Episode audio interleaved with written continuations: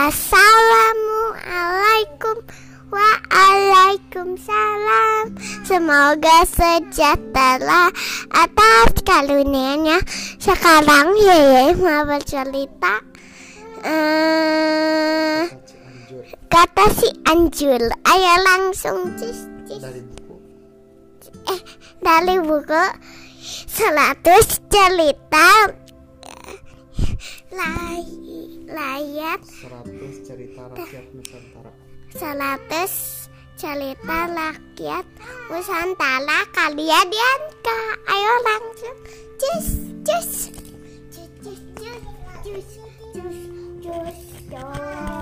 Assalamualaikum warahmatullahi wabarakatuh teman-teman. Hari ini kita akan mendengarkan kisah asal mula kota Cianjur. Cerita dari Jawa Barat. Dari buku 100 cerita rakyat Nusantara Karya Dianka Ilustrasi oleh Marta Parman. Kita mulai ya.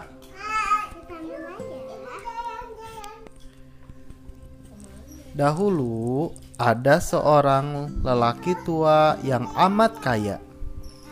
Sayangnya dia kikir. Walaupun hampir menguasai seluruh sawah dan ladang seantero desa, dia tetap saja kikir. Kikir Oke, tak heran jika orang memanggilnya Pak Kikir. Rere betul. Berbeda dengan ayahnya, putra Pak Kikir adalah pemuda yang baik. Di- Dia suka menolong orang-orang yang membutuhkan bantuan. Suatu hari di desa itu akan diadakan pesta menyambut panen raya. Konon, jika ingin mendapatkan hasil panen yang melimpah, maka pemilik sawah dan ladang harus mengadakan pesta, mengundang orang-orang untuk diberi makan. Mau tak mau, Pak Kikir harus melakukannya. Dia mengundang seluruh penduduk desa untuk datang ke pestanya. Namun, karena dia kikir, dia hanya menyediakan sedikit makanan. Tentu saja tamu-tamu yang datang ngomel. Bukankah membagi makanan itu sama dengan sedekah? Jika bersedekah saja pelit, bagaimana mau meminta hasil panen yang baik? Gerutu salah seorang penduduk. Iya ya, untuk apa punya harta sebanyak itu jika tidak mau berbagi? Gerutu penduduk yang lain. Permisi tuan Bolehkah aku meminta sedikit makanan? Aku lapar sekali Tiba-tiba ada seorang nenek tua berpakaian kumal meminta makanan Kumal itu pakaiannya udah kurang bagus Nenek tua itu bukan penduduk desa. Semua orang tidak ada yang mengenalnya. Pak Kikir memicingkan matanya. Minta makan. Enak saja. Sana. Minta saja ke tempat lain. Makanan di tempat ini sudah pas jumlahnya. Nenek tua itu terkejut mendengar perkataan Pak Kikir. Air matanya menetes perlahan.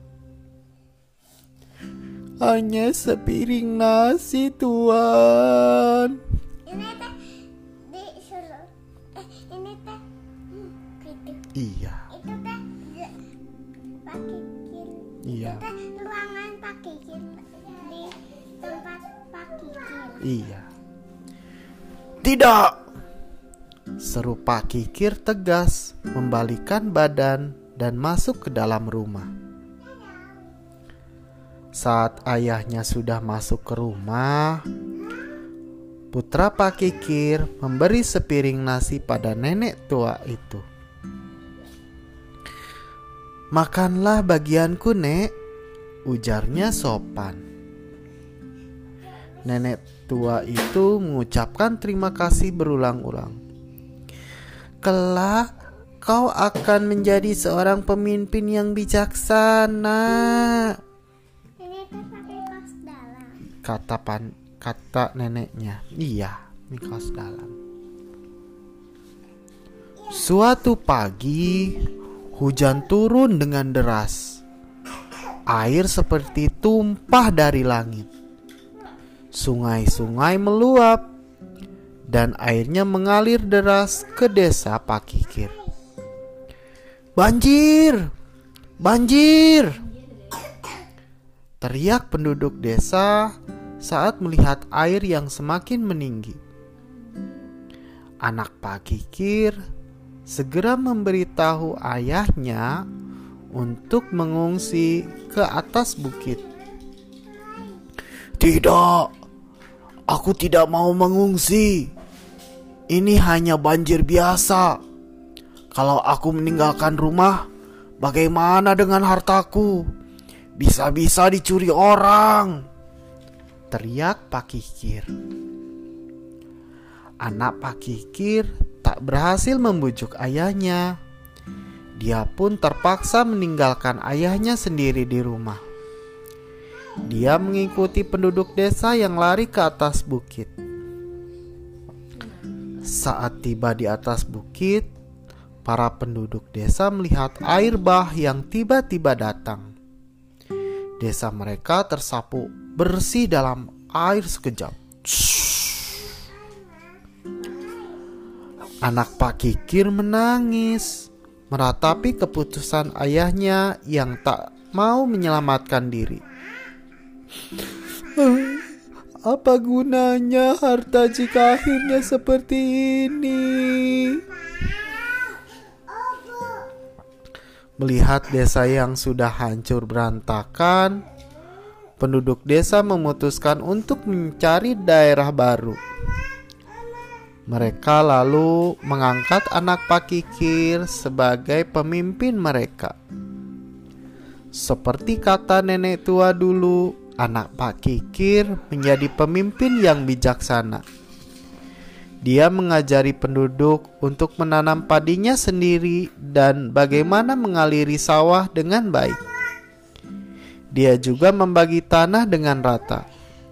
Semua penduduk mendapat bagian sawahnya masing-masing.